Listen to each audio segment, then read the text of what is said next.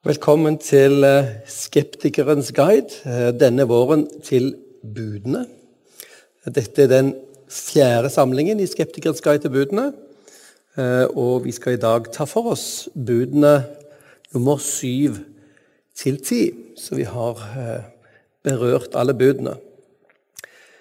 Men um, dette er også en kveld hvor dine spørsmål og dine utfordringer er hjertelig velkommen. Så etter hvert som vi um, går fram her, så er, det, så er, det, bra om dere noterer dere bak øret, eller der hvor dere måtte ha det. Um, spørsmål som kommer opp, som dere får i møte med dette her. Vi oppfordrer til spørsmål. Vi kan ikke love vi har svar på alle spørsmål, men vi kan, vi kan love vi vil respektere uh, alle spørsmål og lytte. Og så um, vil jeg også si at i forhold til um, fortsettelsen av Skeptikerens guide til høsten, så vi åpner for innspill og forslag. Er det noen temaer, ting, eh, spørsmål som dere tenker er viktige, interessante, eh, brennende, så gjerne kom med forslag til oss. Det er ikke landet helt ennå, men eh, jeg ser for oss at vi fortsetter samarbeidet med Misjonshuset og Damaris Norge. Kollega Lars Dale er ikke her i kveld. Han er i England. Eh, men han har fått lov å gi noen innspill, eh, så vi er sammen om dette her også. Og vi har eh, en første del hvor jeg formidler i ca. tre kvarter, 50 minutter.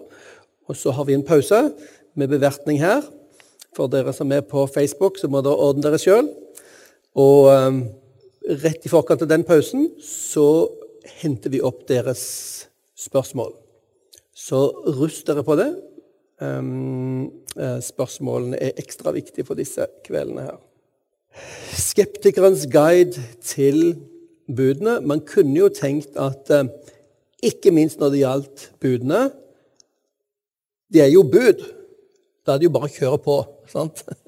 Um, hvis du har fått et påbud, så er det liksom ikke tiden for å sette seg ned og klø seg i hodet og tenke mon tro. Sant? Hvis det er en som har autoritet, og som påbyr deg noe, som sier du skal gjøre det, så skal man heller gjøre det enn å tenke på hvorfor i alle dager ba han meg om dette. Likevel så tenker vi eh, at spørsmål er viktige, og ikke minst i forhold til den kristne tro, så henger ting i sammen. Det er en, Den Gud eh, vi kjenner, er en, også en fornuftens gud. Um, og av, en av titlene til Jesus er jo logos. Fornuften. Vi kaller det uh, i begynnelsen var ordet, men det ordet som er logos der i Johannes evangeliet, første kapittelet, det er jo også verdensfornuften. Universet ble skapt med Guds fornuft, um, som er Jesus Kristus. Og det er også grunnen til at det gir mening for oss å utforske både hans skaperverk, sant? som er skapt med mønstre, med skjønnhet, som vi kan gjenkjenne, og ikke vi kan grave til bunns og forstå alt sammen. Så kan vi forvente at, vi, at ting henger sammen. Og det gjelder faktisk også budene, Guds befalinger. Det er ikke alltid han gir oss begrunnelsene for det. Sånn som i hagen, den første hagen, de første menneskene. Alt dette deres. Spis alt dere vil, men det treet der skal dere ikke spise av. Og så ga han en begrunnelse også. For den dagen dere spiser det treet, da skal dere dø. De fikk et varsel. Og vi reflekterer jo hvorfor ga Gud et sånt forbud? Hva var det med det treet? Og, så og det går det an å si veldig mye interessant om. Men eh, påbudet var der, og deres lojalitet ble testet. Skulle de følge sin fornuft eller andre stemmer, eller skulle de følge Guds stemme? I den kristne troen så henger Guds budet, Guds vilje, Guds lov, sammen med forståelsen av tilværelsen. Sånn at normalt så tror jeg vi rett og slett skal forvente at det finnes en god grunn for Guds bud. Og det er gjerne i motsetning til en del andre religioner. Ikke minst eh, religionen islam, som er svært opptatt Hvis dere ser på islamske TV-programmer, som jeg fikk, fikk, gjøre mye i når vi var på tur i Uganda Masse kristne kanaler med ville kristne predikanter, ikke helt våre kalibere. Og så hadde du muslimske programmer. Og da var det imamer og sjeiker som satt og svarte på spørsmål fra publikum, og som gjennomgående Hva skal jeg gjøre? Hva kan jeg gjøre for å bevare min renhet og vaske hender og bønn osv.? De praktiske tingene hvor, eh, hvor det å følge loven og budene står veldig, veldig sentralt og hvor da Muhammed selv er forbildet, om ikke det alltid forklares hvorfor man skal gjøre disse tingene. I den kristne troen så er de skeptiske spørsmålene eh, leder oss veldig ofte til dypere forståelser. Jeg kan ikke garantere det, men det er i hvert fall min erfaring. Og Derfor går vi frimodig videre med Skeptikerens guide til budene. Um, og jeg tenker Siden dette her er også siste gangen, så er det naturlig å uh, begynne med å lese hele det ti buds-rekken. Og Det gir også dere anledning til å hanke opp spørsmål som dere må få, sant? Og må sitte med, i forhold også til de andre budene som vi har gått gjennom. Så um, la oss starte med å lese de uh, ti budene som vi finner i Andre Mosebok, kapittel 20. Uh, og det er midt i den dramatiske fortellingen over, um, som vi har blitt minnet nå om i påsken. Israelsfolket var slaver i Egypt, og Gud på dramatisk vis førte de ut av Egypt, reddet de fra faraos hær, gjennom Sivsjøen, gjennom ørkenen, og så til det fjellet hvor Gud gikk inn i en pakt med disse. Og eh, sentralt i denne pakten står altså disse ti budene. På grunnspråket står det bare ti ord. Og um, hvor kommer tallet ti fra her? For det er jo, det er jo um, 13, 14, 15 befalinger som ligger inni her, hvis du teller de.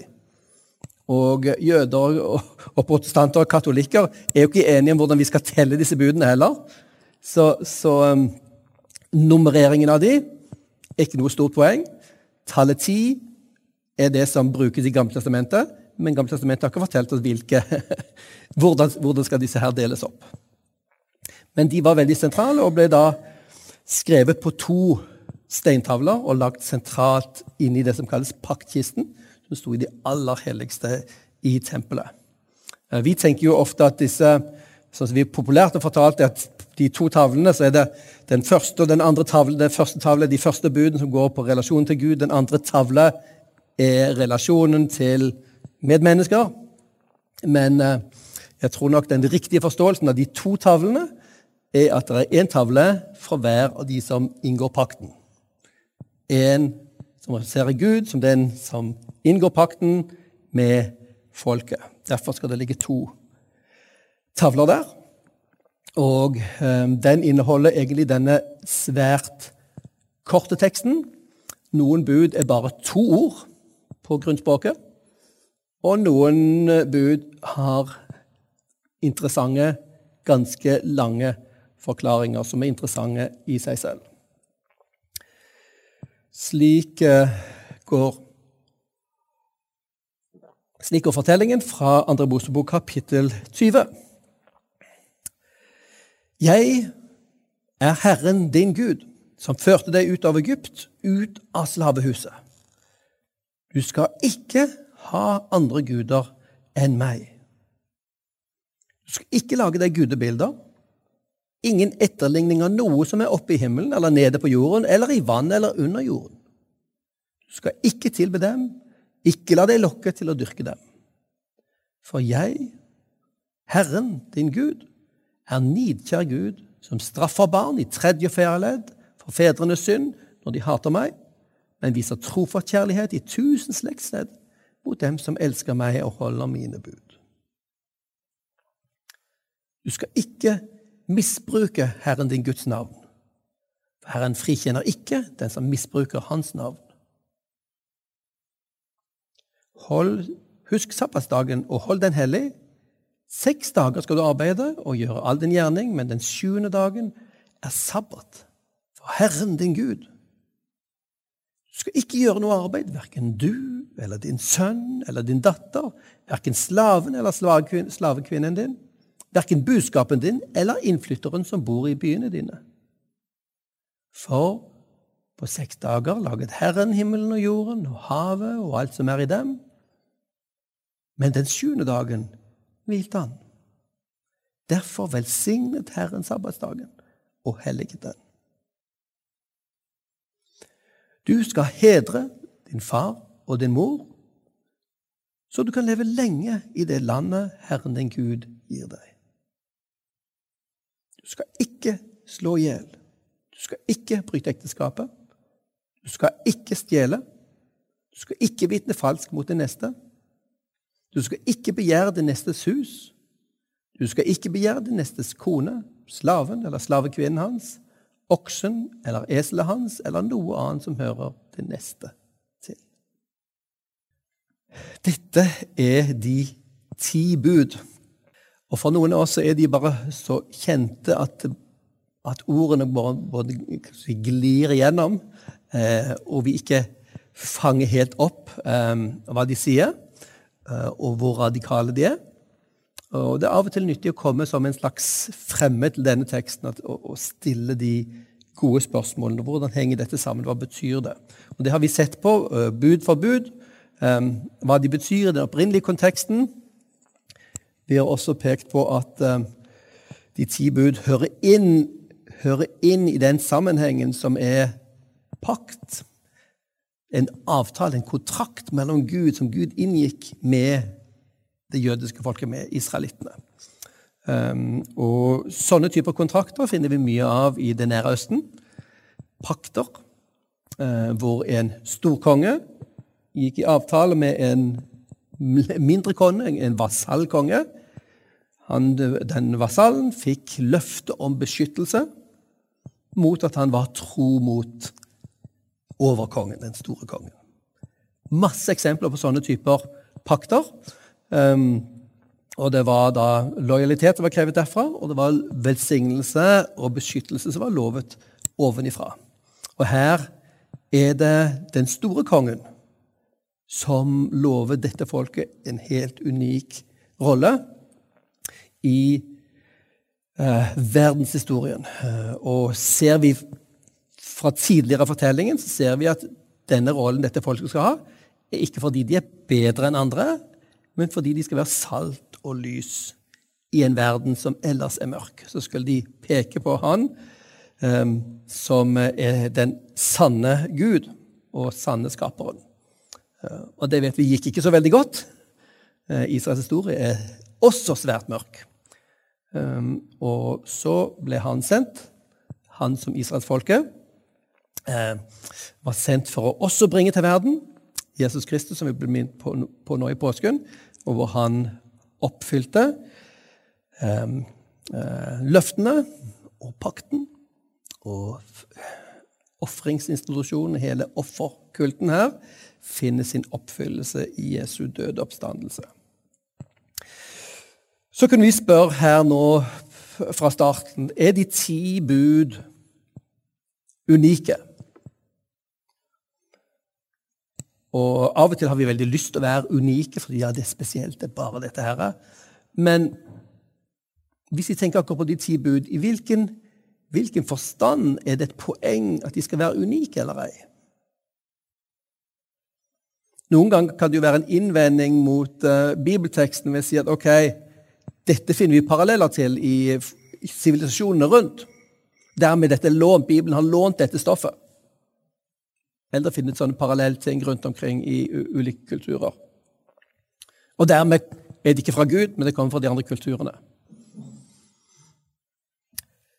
Når det gjelder de ti bud og spørsmålet om de er unike, så er det en spesiell spørsmålet her om hvorfor, skulle, hvorfor skulle de være unike. Hvis de ti bud egentlig formidler essensen av hva som er moralsk Sant? Hvorfor skulle det avvike fra alt annet du finner i andre kulturer, i andre verdensdeler, i andre sivilisasjoner? Hvis du tenker gjennom det, at eh, Gud er skaperen som har skapt oss i sitt bilde, så er det å forvente at det finnes noe fellesstoff i disse kulturene. ikke sant? Så er det ikke noe stort poeng med å tenke at her er det helt unikt, det er helt spesielt, og du finner ikke noe paralleller andre steder. Men man finner faktisk ikke ti bud, sånne korte oppstillinger. Så langt har ikke vi funnet det i noen andre kulturer fra den nære, eh, eh, nære Østen. Det fins en, eh, en lovgiver som er svært berømt, en eh, babyloneren, som heter Hamurabi. Eh, og han skrev en veldig avansert lovkodeks rundt 1700 før Kristus. 1800-1700 før Kristus. Eh, og noen forskere sier at kanskje Hammurabi levde samtidig med Abraham, og muligens at Hammurabi er det samme som Amrafel som du finner som var alliert med, alliert med, Abraham når han gikk etter disse som hadde tatt, eh, tatt eh, Lot til fange, så nevnes Amrafel som en av kongene. Kanskje det er Hammurabi. Men Hammurabi er veldig kjent for oss pga. Denne lovteksten som han har skrevet. Um, på en stele funnet i Susa i, i Irak. Kålsvart. Uh, og Dere ser her bilde av denne eh, stelen med, med uh, På toppen der så er det Hammurabi og solguden Shamash.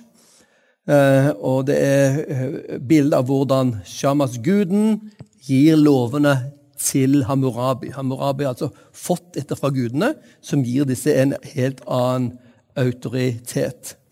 Um, og han introduserer seg slik. Det er en lang lang introduksjonstekst før han kommer til disse uh, reglene her. Dere vet Introduksjonsteksten til, til de ti bud er veldig kort. 'Jeg er Herren din Gud'. Sånt. Det er en lang tekst. Så, og, og, en av de tingene her som han, han skriver, etter han har introdusert uh, gudene osv., og, uh, og så introduserer Hammurabi seg selv. 'Jeg er Hammurabi, hyrden, utvalgt' av Enlil. Enlil er en av de babylonske gudene. Hammurabi, hyrden. Altså kongen, som er som en hyrde for sitt folk. Eh, og eh, han, Vi ser her noen eksempler på lover. Eh, han systematiserte disse, så de er i mange kategorier, som f.eks. det med, med falsk vitnesbyrd i retten. Han sier her at hvis en mann anklager en annen mann og beskylder han for mord. Men hvis han ikke finner bevis for mordet, så skal den anklageren selv bli drept. Mm, tøff. Eller når det gjelder eiendom, så er en av hans lover at hvis en mann bryter seg inn i et hus, skal de drepe ham og henge han foran inngangen til dette huset som hadde brutt seg inn i Det er ganske heavy lover. Menneskelivet har ikke svært, svært, mye verdi her. Men eiendom og huset var veldig viktig for dem. Eh, lover om familie, om adopsjon, om kroppsskade. Så her er det en, en regel som sier at hvis, eh, hvis, en mann skulle komme i skade for å gjøre en annen mann blind, så skal han straffes med selv Eller eh, at han blinder et øye på den andre, så skal han selv bli blindet på det andre.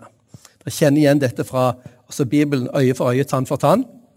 I Bibelen så er ikke det ment at du skal gå og ta tannen og øyet til den som har skadet deg. Men den som har skadet deg, skal gi deg erstatning tilsvarende hva dette vil være. Eh, og det er i, i Bibelen så det er en begrensende regel. Så du ikke lov å ta livet til en person som bare har gitt deg et risp eller tatt, ødelagt ditt øye. men du skal få en tilsvarende erstatning. med her er det var ganske tydelig at her menes det ganske konkret eh, at straffen er relativt brutal. Så Hammurabi har et masse, svært sett med lover, men dere ser her at dette kalles kasuistiske det, er formet som kasuistisk lov. Hvis det, så skal det skje. Og så er det straffeutmåling. Ser dere de ti bud er veldig annerledes i formen enn dette? De ti bud er ganske absolutte formuleringer, og de begynner ikke med et 'hvis'. Sånt. Eh, og her, disse lovene her er svært opptatt av straffereaksjonen. Det er veldig lite om det i de ti bud, selv om du har noen av budene som vektlegger konsekvensene. Men de konsekvensene er ikke for noen domstol sant, å, å, å, ordne.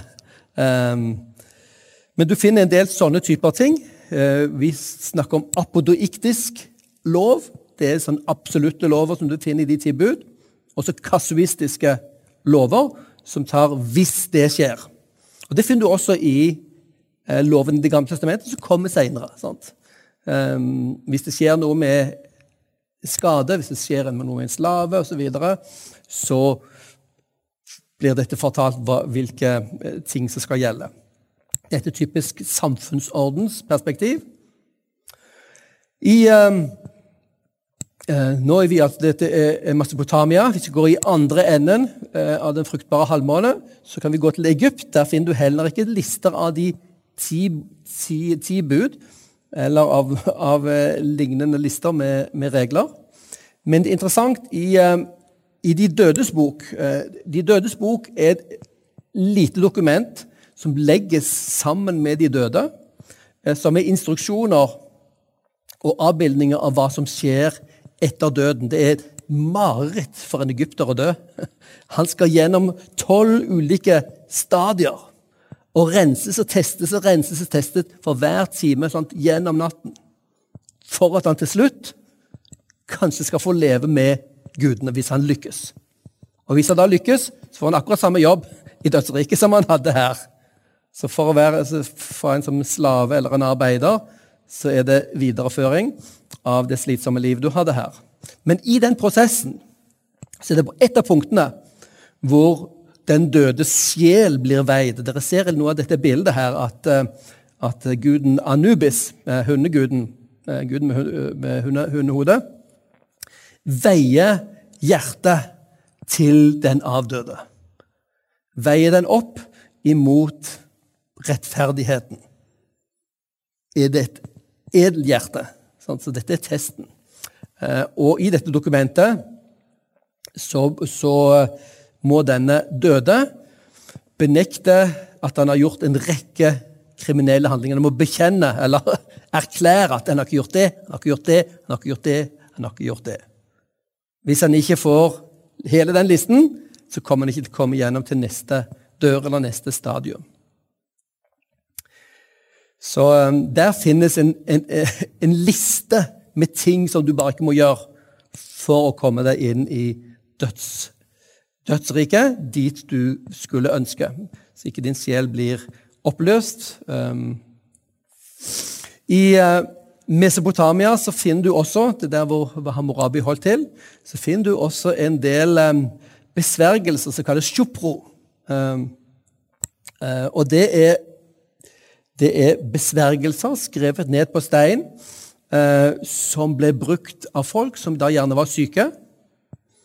Um, og de lyder om, Dette er eksempel på en sånn type besvergelse. Og merk dere der hvor, hvor dette med, med, retten og loven og moralen kommer inn her. Det er en besvergelse som også inkluderer et slags moralsk aspekt. Min sykdom, min trøtthet, min skyld, min eh, kriminelle handling, min synd, min overtredelse. Sykdommen som er i min nåværende kropp, i mitt legeme og mine vener i blodårer. Måtte dette eh, plukkes av, sånn som dette eh, hvitløksskallet fra denne hvitløken sånn at ildguden, brenneren, må brenne det opp i dag. må forbannelsen forlate meg, så jeg kan se lyset. Og så må dette koblet med en rekke bekjennelser av synder, overtredelser og potensielt brutte tabuer. Så Her skulle man også bekjenne ting som man kanskje hadde gjort, men som kanskje ikke husket. Så man ikke skulle risikere å hisse på seg gudene eller åndene eller demonene som plagde. Og her ser dere moralen er pakket inn her som en del av den skrekken, bevisstheten om at her har vi noe skyld som kan være med å, å ligge bak årsakene til en sykdom. Men det er altså ikke noen uh, tibudsliste her, selv om Hammurabi lagde en, uh, et lovsystem for uh, sitt samfunn på 1800-tallet for Kristus. Vi kan gå til, til buddhismen og spørre har de noen ti bud. De har en åttefoldig vei, som dere sikkert uh, kjenner. Uh, hvordan, hvordan, hvordan, lidelsen skal slukkes og fjernes for godt. Ja, Da trenger du disse åtte, som er riktig anskuelse, riktig tenkning, riktig tale, riktig handling, riktig levevis. Merk deg, de tre der går jo egentlig på etikken. Det, går, det første går på tenkningen, og de siste går på meditasjon. Riktig streben, riktig aktpågivenhet, riktig konsentrasjon. Dette er meditasjonsregler, eh, eh, de tre siste, mens de tre i midten det dreier seg om etikk. Sånn, riktig tale, riktig handling, riktig levevis. Okay, der er vi inne på det etiske området, som er fokuset på eh, de ti bud. Og vi kan jo tenke litt akkurat mens vi er her, og tenke er det, er det noe i de si bud som også fanger opp dette med riktig anskuelse, riktig tenkning? Som at de ti bud ikke bare går rett inn i hva du skal gjøre, men som tegner et perspektiv rundt disse her som gir mening til dem. Finnes det? Ja, Vi kan nevne også at budene kan gjenfinnes i, i Koranen, og det er jo ikke så svært overraskende. Og vi vet jo at eh, Koranen selv hevder å være en videreføring av, av Taurat, Torat, eh, Gammeltestamentet, Toran, og Injil, evangeliet. Så um, her har vi Einar Berg sin opplisting av uh, Hvis du tar utgangspunkt i de ti bud, så vil du kunne finne det igjen i, i Koranen. Skal du si moralen i de ti bud. Kanskje litt mer um, interessant uh, vil være ateistenes nye ti bud. En del ateister har kjent seg utfordret av, av dette. Ja, vi, de har jo de ti bud her. Hva skulle vi erstatte dette med? Vi som ateister ikke tror på Gud. Og så hadde de The Rethink Price, som dere kan finne på nettet, eh, hvor det var flere tusen forslag. og Så var det en komité som satte seg ned og samlet dette, og, og, og endte opp med med ti bud. Eh, det er interessant å, å, å lese de. Vær, be open-minded and willing to alter your beliefs with new evidence. Det er helt uh, uh, sunn holdning, det. Følg bevisene. Følg uh, Men det, det, er formulert som om de religiøse her, ikke følger dette. De bare sta og, og tror på sitt. Strive to understand what is most likely to be true not to believe what you wish to be true. Det er vi jo svært enig i. Kanskje dette også gjelder ateistene.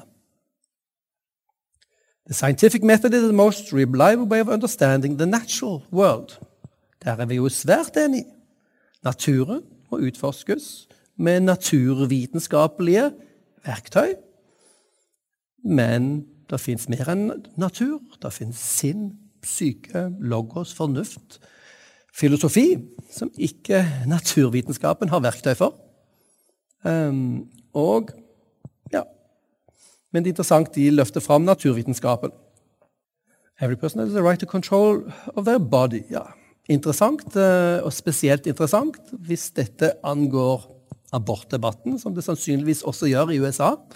Um, og um, hvor man da i utgangspunktet snakker om at dette er kvinnens kropp og ser bort ifra det faktumet at det er jo to kropper det er snakk om her. eh, under en abort. Og den ene kroppens verdi blir ikke spurt. Sant? Um, ok. Så det er veldig interessant å lese og tenke igjennom ok, finnes det noe grunnlag for å hevde disse verdiene, som vi stort sett er enig i, og henger de sammen. For når du ser litt lenger ned her, så ser du at ja, du skal være åpen og forandre, du skal ikke være absolutter. Og så kommer her på slutten There is no one right way to live. ja, det er jo interessant. Eh, det synes ut som du visste veldig godt tidligere hva man skulle. Og så um, Ja. Så da finnes de ti bud en veldig praktisk ting. Hvis du ser for deg her er det et folk og forsamlinger og familier som skal huske fordi de, sånn, de fleste kulturer fram til det moderne tid kunne jo ikke lese. Jødene var faktisk svært gode til å lese lov foran, fordi det var så sentralt, eh, loven var så sentralt i deres liv. Men normalt sett kan, kunne kulturen ikke lese, og da måtte du memorere. Og vi vet jo de skulle ha uh, Unge gutter jødiske gutter skulle ha kunne de fem Mosebøkene utenat når de var 13. Sant? Konfirmasjonen. Det kunne være en interessant test på våre konfirmanter. Um, men de ti bud ville være en flott måte å summere opp essensen av moralen. sant? for en familie, for barna, for større forsamlinger. Hvor ikke du måtte gjennom hele de fem Mosebøkene eller gjennom Det gamle testamentet, men her har du essensen av hva Gud ønsker for livet ditt. Ja, la oss eh, gå over på eh, et par av disse eh, budene. Du skal ikke stjele. Veldig enkelt bud. Jeg vet ikke hva slags spørsmål dere har her. Um, det er kanskje så opplagt.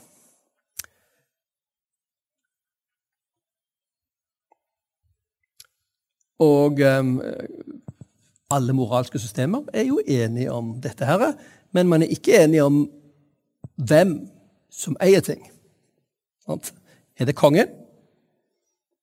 Hvem har rett til ting? Sånn vi hører om krangelen i Øst-Europa nå. Sant? Det er ikke et skikkelig land, dette her er vårt land. Um, hvem har retten her? Det er ikke helt opplagt. Men alle er enige om det er galt å stjele. Um, hvis du er den sterke, så um, kan du likevel slippe unna. Ok, vi går litt videre, og så skal vi se, skal vi se litt på um, um, Luther sine forklaringer her, som er helt geniale og pedagogiske. Den lille katekismen forklarer dette budet slik. Og begynner, Vi skal frykte og elske Gud. og Husk, husk dette den store konteksten for alt av moral. Vi skal frykte og elske Gud. Det er Gud. Kjærligheten til Gud skal drive oss til så vi ikke tar penger eller gods fra vår neste, eller narrer noe fra ham, men hjelper ham til å berge sin eiendom og bedre sine kår. Ser dere her både, både skal vi ikke ta noe fra ham, men vi skal hjelpe ham så han kan greie seg og bedre sine kår. Så Luther vrir dette her også til en, en positiv plikt. Til ikke bare la være å stjele, men hjelp de så de kommer i gang. Det, dette passer jo så fint med, med, hvordan vi alltid har tenkt om misjonsarbeid. Sant? Det skal hjelpe menneskers liv også. Og deres åndelige, deres fysiske familielivet, samfunnslivet, arbeidslivet. Å bidra og hjelpe. Dette her henger, henger tett sammen med også den kristne kallstanken. Vi er kalt til å forvalte, kalt til å tjene andre. Og det med å ikke stjele, snus andre veien og si du skal hjelpe de neste. Beskytte og berge sin eiendom og bedre sine kår. Det er jo svært interessant, også nå når vi er blitt en, si, en global landsby. Hvordan hjelper vi folk i andre verdensdeler til ikke bare å røve fra de verdiene, Sant? Det er jo hjerteskjærende å se hvordan internasjonal politikk, globalisering, eh, kapitalisme, om du vil, eh, røver så store verdier fra så mange land. Hvor vi i Norge har vært så heldige. F.eks. utvinningen av oljen her, som, hvor verdiene gikk til staten. Fremfor bare at svære eh, selskaper skulle løpe av gårde med verdiene. Hvordan kan vi hjelpe mennesker, våre medmennesker, til å bedre sine kår? Dette ligger inne i pakken med, de, eh, med det syvende by. Du, du, skal ikke stjele. Og Her er, kommer den eh, større katekismen. som Den har et par sider med forklaring til hvert bud, som er svært interessant. Vi skal bare plukke noen små, noen små biter. Skal vi se. Uh, nest etter din egen person og din ektefelle er timelig gods det nærmeste. Det vil Gud også ha beskyttet. Han befaler derfor at ingen må tilvenne seg noe av det nesten har. Å stjele betyr nemlig ikke noe annet enn å tilvenne seg en annen gods uten rett. Dette innbefatter da også all slags fordel som en på nestens bekostning kan ha i handel. Hvordan man i handel kan bruke handel. Ja, det lovene sier jeg har lov til å ta dette, men så fungerer det sånn at min neste gjøres fattigere og svakere, ehm, selv om jeg har retten på min side. Vi kan jo sutre over, over, over eh, strømprisene. Sant? Det er en småting i, i, i den store sammenhengen. Um, sånn, men her legges vekt på ansvaret vi har for å hjelpe vår neste. I, i, dette, dette, kapittelet om bud nummer syv, om tyveri, du skal ikke stjele, så bruker han masse praktiske eksempler på hvordan vi stjeler fra hverandre. Hushjelper som er late, som ikke gjør jobben sin, som sluntrer unna. Håndverkere som gjør dårlig arbeid. Det er tyveri. Handel med falske mål, eller å lokke folk til å kjøpe ting og gjøre de fattigere, det er tyveri. Det er ganske, ganske sterke utfordringer her. Um, som må få oss til å reflektere over hvordan driver vi hvordan driver vi handel og business i vår moderne tid, hvor svært mye av um, reklame og forbruk er basert på at vi blir overtalt emosjonelt uh, til å kjøpe ting som vi overhodet ikke trenger. Vi har jo råd til det, sant? Eh, men vår liv blir ikke nødvendigvis beriket. Ja. Det var bud nummer syv. Du skal ikke stjele. Der fins det massevis av innhold når man graver. La oss gå over til eh, bud nummer åtte. Du skal ikke lyve, vil det være den korte, korte versjonen her, men eh, det er du skal ikke vitne falsk mot din neste. Og uh, budet har sin kontekst egentlig i rettssalen. ikke sant? For at et samfunn skal, skal, fungere, så trenger vi domstoler, vi trenger dommere, vi trenger, trenger uh, et sted å komme til for å, for å kunne klage og påtale ting som er galt. Et sted som kan bedømme hva som er sant, hva har skjedd, hvem har gjort noe, og hva er retten? Hvem er som har rett til hva? Så for at en stat skal kunne fungere, så trenger vi et rettssystem. Ellers så ender vi opp i anarki hvis ikke du har tillit til systemet rundt deg. Hva du ser, det er hevn. Gjerne da blodhevn som går i generasjoner. Sånn er det man ordner opp hvis ikke det finnes et system hvor du kan gå, og hvor din sak kan bli hørt. Så rettssalen er svært viktig for alle samfunn. Og problemet Rettssalens funksjon ramler fullstendig sammen hvis ikke sannhetsområdet Hvis man tillater løgn i rettssalen, så undergraver det muligheten for at retten skal kunne skje. Så dette er svært, svært viktig for et samfunn. Og hele de ti bud er jo for hele det jødiske samfunnet. Det er Guds folk. Det er ikke bare en individuell moral, men det er for hvordan, hvordan skal vi ordne sånn at fellesskapet kan fungere sammen. Jo, da trenger vi bl.a. vitner som er sannferdige. Og uh, Luther igjen um, på i sin, sin uh, lille katekisme, som noen av dere med meg også lærte utenat i sin tid, det er vi skal frykte og elske Gud, så vi ikke lyver på vår neste, ikke sviker ham eller taler ondt om ham, men unnskylder ham, taler vel om ham og tar alt i beste mening. Ops. Dette budet her har vi en del å jobbe med i kristne sammenhenger. Vi, her trenger vi liksom ikke riste hodet på hvor forferdelig samfunnet er. og, og sånt. Her tror jeg er en av de såre tingene i de kristne fellesskapene som skremmer folk ut. Um, og la oss høre på den store katekismen hvordan, hvordan um, Luther forklarer dette. Det er svært interessant uh, og veldig, veldig selvransakende. Uh, og jeg tror vi alle går ut her med, med viktige ting å ta med oss, ta innover oss. bekjenne for vår Gud og arbeide, arbeide mot. La oss nå se. Så går han videre. For uten vårt legeme, vår ektefelle og vårt timelige gods har vi enda en skatt som vi ikke kan unnvære. Det er ære og godt navn og rykte. For det nytter ikke å leve blant folk når en blir vanæret og foraktet av alle.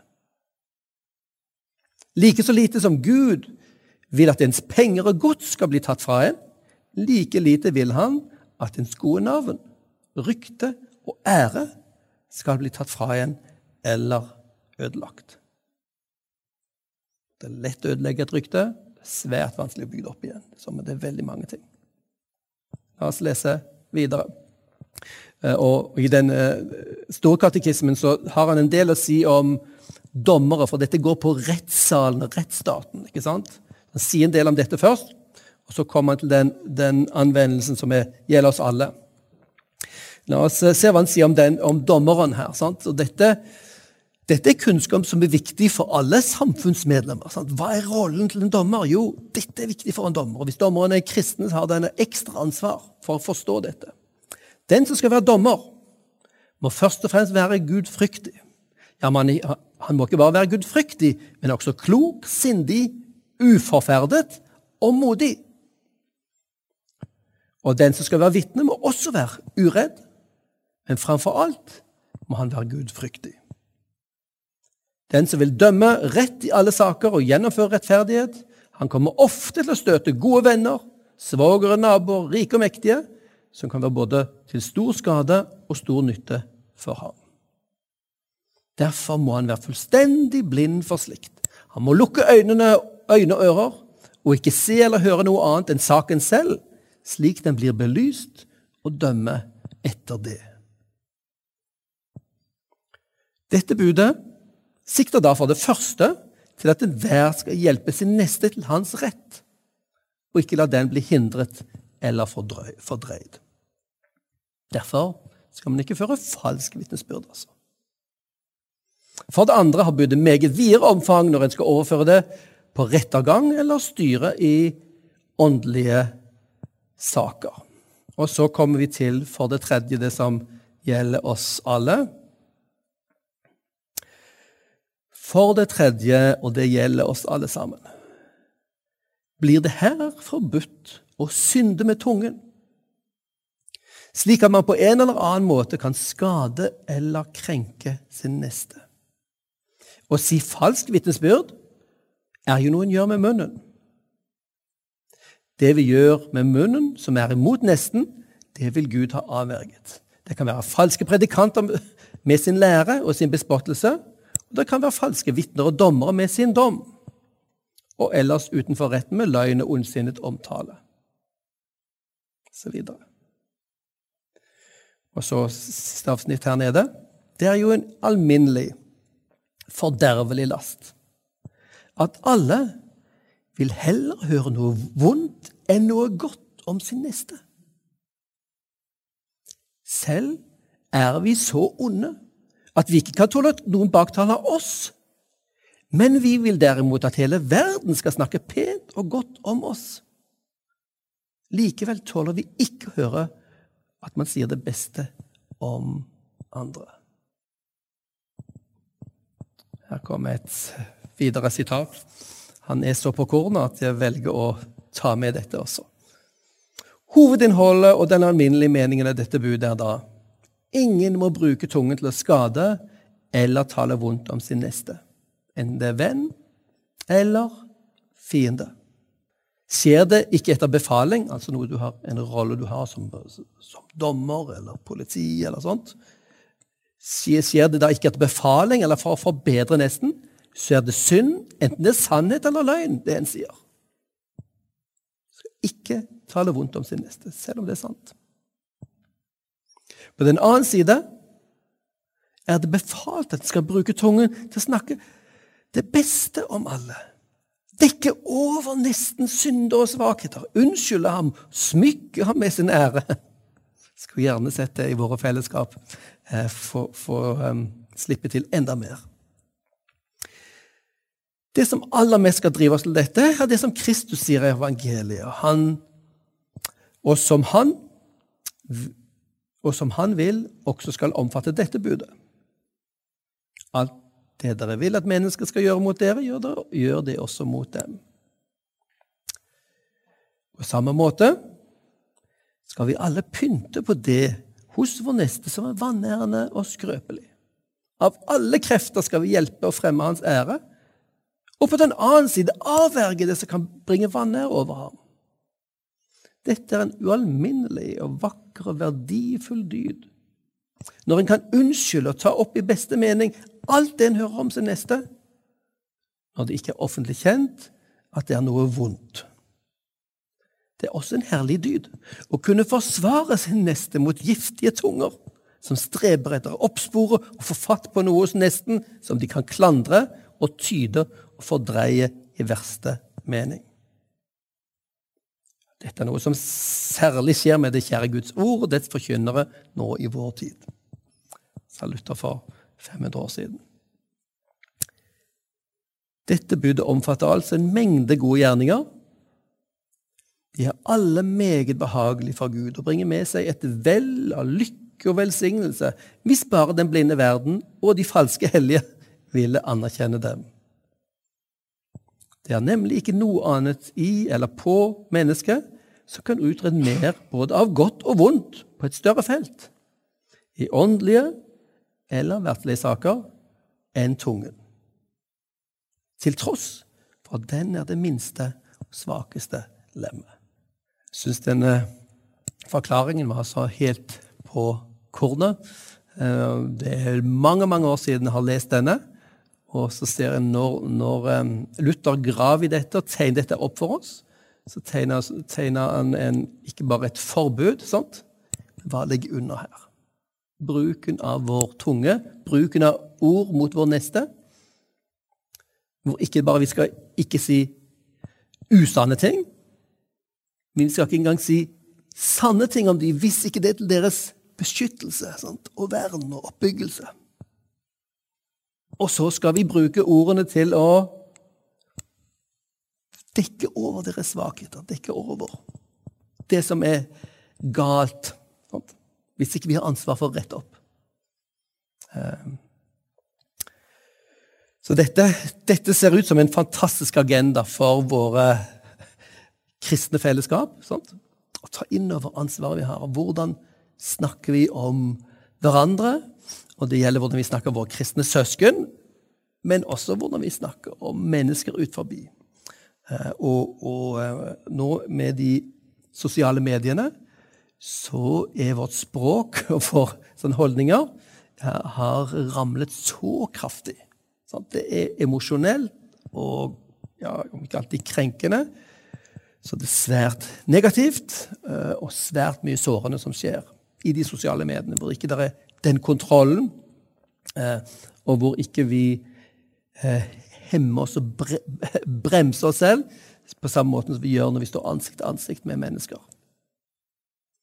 Tenk om vi kan bruke våre ord til å bygge opp og styrke og verne, beskytte og dekke eh, hverandre. Det vil være helt fantastisk. Og et smak av himmelen. Unngå massevis av konflikter. altså Konflikter må jo gripes fatt i, og, eh, men de skal ikke sladres om og spres. Sant? Konfliktene må gripes fatt i, og da må de ryddes opp i og ordnes. sant? Um, men hvor vi kunne oppmuntre hverandre. Og tenk hvor uh, En av de store sykdommene i vår tid er jo den lave selvfølelsen mange har. Mange voksne, men ikke minst også ungdommene. Hvordan får de den lave selvfølelsen? Ja, ok, Kanskje livssyn og forankring. At man har ikke forankring i en større fortelling, i en gud eller tilgivelse, eller at man er skapt osv. Det kan være et, et, element, men de ordene man hører opp gjennom, av venner på sosiale medier Idealene man sammenligner seg med, som sier noe om at man ikke er verdig, ikke verdifull, ikke teller. Det er svært vanskelig å leve med. Og dette er ord. sant? Ord som, eh, som vi ødelegger hverandre gjennom. Av og til er det også bilder. Her var det akkurat fokus på ordene. Nå er vi eh, kommet til et tidspunktet hvor vi skal ha et, et pause, et avbrekk, og jeg ser kaffen er kommet ut her. Men før kaffen eh, er på plass, så er det rom for spørsmålene deres. Så eh, hvis det er noen eh, spørsmål Vi skal ta bud, bud nummer eh, ni og ti etter, etter kaffen. Finnes det noe tid? Er det snakk om hvor gamle de ti bud er? Er det noen som har Daterer de? Ja, plassert i tid. Ja, det er et interessant um, spørsmål. Mm -hmm. Ja, jeg bare lurte på uh, altså den etiske utviklinga. For hvis du ser på det, det begynner med det begynner med ett bud, ikke sant, som du sa. Og så lurte på uh, Og så kommer de ti bud ned i gata, og så enda videre så kommer jo Jesus med det enda større ja. Ja. Og, så, og så lurte jeg på uh, altså den etiske utviklinga på de, de første ti, da. Uh, om du hadde noe å si der. Er det, er det sånn stor omveltning? Var det helt forandra fra hva de trodde før, eller var det eller mente okay, de akkurat det samme før, bare at da fikk de det skriftlig? Ok, ja, Det er et godt, eh, det er et godt spørsmål om, om, eh, om de ti bud var veldig radikale på den tiden, men kanskje også spørre om hvordan de blir eventuelt videreutviklet når de kommer til Jesus. Ja, det spørsmål om det også. Ja, det er jo begge deler. Ja. Mm. Veldig interessant uh, historisk, samfunnsmessig. Ja. Men la oss, ta, la oss, ta, pause nå. Det er lov å stille meg spørsmål i pausen også. Um, og uh, gjennom, neste, gjennom, neste, runde så står kaffen klar der ute. Uh, og vi har pause til i hvert fall ti over i ropet der inn når vi skal starte igjen. Og da tar vi nå først for oss uh, noen av de spørsmålene som dere har kommet opp med fra siste runde og litt grann i, i, pausen. Og det er fortsatt mulig å rekke opp en hånd og spørre. Så kan ikke jeg love svar, men jeg skal love interessant, imøtekommende holdning. Eh, interessert, møtekommende holdning. Så et spørsmål var jo om, um, om de ti bud Om de for, forandret veldig mye, om de er radikalt annerledes. Jeg snakket litt om dette med, om, om de ti bud er unike fra starten, men dette gikk ikke inn på. Hvis vi, hvis vi skal tenke Ok, her kommer israelittene. Vi må huske at israelittene var ikke én etnisk gruppe. Det var mange ulike etniske grupper som ble med dette folket, og ble et folk når de kom ut i ørkenen, gikk, inngikk i denne her pakten. Det, det, er ikke en etnisk sant, gruppe. Det er mange som hang seg på eh, eh, Jakobs sine etterkommere. Eh, og så ble de et folk. Noen av de hadde da med seg historien om, om disse eh, trosfedrene Abraham, Isak og Jakob og Josef. Eh, noen av de visste om de, sant? det er blitt fortalt hjemme. så de hadde, Gjennom de fortellingene har de litt av sin identitet. Men når du har mange grupper som henger seg på, så vil jo det også være enda mer uklart hvem som kommer inn i denne gruppen, og hvem som blir til slutt mitt folk, som Gud, Gud vil kalle dem. Så, så, det som jeg tenker er, er, er radikalt nytt her, er det første, de første budene. Du skal ikke ha andre guder enn meg, og være så radikalt monoteistiske. Det er, det er um, sjokkerende i en sånn kultur hvor det finnes mange guder. Og du må sikre deg i alle retninger. Når du kommer inn på et nytt landområde, da er det nye guder. Og Det var en av problemene når Israel, eh, det folket kom inn i det som heter Kanaan. Der var det andre guder og fruktbarhetsgudene som hersket. Og fristelsen da til å alliere seg med de eksisterende kreftene var kjempestore. Vi ser jo hvordan det gikk. Sant? De falt for den fristelsen etter hvert. Og så, så begynner de ti bud med for det første at 'jeg er Herren, din Gud'. Jeg er Javé. Sant?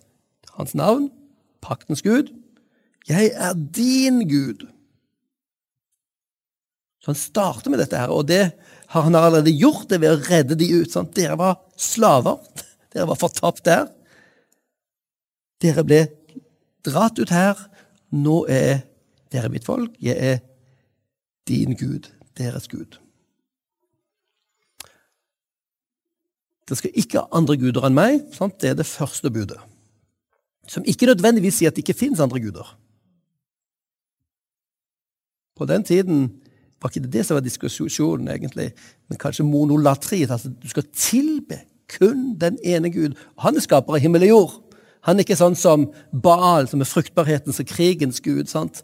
Og Astarte som fruktbarhetens gud. Alle disse gudene som har sine områder, sant? landområder og sine livsområder som de dekker. Havets gud, himmelens gud. Sant? Du finner opp en gud for hver type ting du ønsker å beherske. Um, og så får de beskjed kun én Gud. Skal ikke tilbe noen andre. Ikke lage deg noen statuer. Jeg tenker det må være svært vanskelig. Svært, men en, en mental kjempeomveltning, hvor du er vant med å ha mildere med forsikringer. sant? Og når du beveger deg i nye områder, så må du gå, inn, gå nye allianser. Og så har du det du har, bare den ene, som gjør deg kjempesårbar. Holde denne guden også når vi går inn i det nye området. Nå går vi inn i fjellområdet, nå går vi inn på, på, på dyrket mark. Sant? Ulike guder, ulike områder, ulike eh, egenskaper. Holder denne guden for alle disse. Kjemperadikalt. Så det er um, Det er ikke Altså, tanken på monotismen, den hadde skjedd før. Uh, I i uh, Egypts historie finner du den tilbedelsen av Aton, sånn Aknaton, som fjernet de andre gudene, og så skulle det bare være én. Sånn, men han ble fort ryddet av veien, så fikk vi tilbake det systemet med de mange gudene som egypterne da foretrakk. I hvert fall presteskapet foretrakk det. Um, så i en kontekst hvor du har et mylder av guder, så det er mentalt sett, eh, åndelig sett, kjempevanskelig. Og det er starten på hele, hele pakten. Når vi kommer til, eh, vi kommer til eh, sabbatsbudet, så finner vi ingen like typer ordninger i kulturene rundt. Sant? Um, Romerriket, når de hadde helligdager, så var det egentlig de, det var keiserne som bestemte nei, nå skal vi feire dette eller dette. hint. Noen ganger kunne det være 150 dager i året hvor det var et eller annet som skulle skje på Colosseum, med en eller annen fest, eller noen kriminelle som skulle, eh, skulle avlives med kamp. sant? Hvor, hvor keiseren bare bestemte nå, nei, nå er det en fridag. Jeg tror ikke du finner noe sted uh, i, uh, i, historien. Kanskje noen dere kjenner antropologien og vet om noen som har noen sånne typer rytmer. Men den uh, hviledagen som israelsfolket har, det er, da helliger du hele tiden, hele livet ditt, til Han som har skapt, skapt deg. Så Da innfører du en rytme i din hverdag, i din agenda, hvor ja, ja livet mitt er jo styrt av noe som er over oss. Derfor er denne dagen spesiell. Så kommer uken. Sant? Eh, det er unikt. Så du skal ikke uh, drepe. Det er ikke unikt. Det finner du i alle kulturer. Men hvem du har lov å drepe, det er et helt annet spørsmål. Fienden din skal du drepe. sant? Jeg vokste opp uh, delvis i, i, Tanzania blant uh, Mangati-folket. veldig kjent krigerstamme. Det var det var en ære å ha drept en fra en annen stamme. Ehm, du kunne drepe løver, du kunne ta stjele kyr, eh, og du kunne drepe folk fra andre stammer. Det var, en, eh, det var de stolte av. Men eh, du dreper ikke dine de som hører til i, i, i din stamme. Det er alvorlig. Så hvem du har lov? Og hvem er din neste? Det er jo det spørsmålet. Hvem er min neste som også, også de skriftlærde på Jesu tid ble utfordra av. Sant? De så svært ned på, altså det jødiske folk på Jesu tid, så svært ned på andre grupper. På romere, og ikke minst samaritanere, som er sånne half-breed. Så når Jesus i lignelsen gjorde samaritanen til den store helten, så må det gjort svært vondt for de, som, for de som hørte på. Hvem var det som gjorde rett?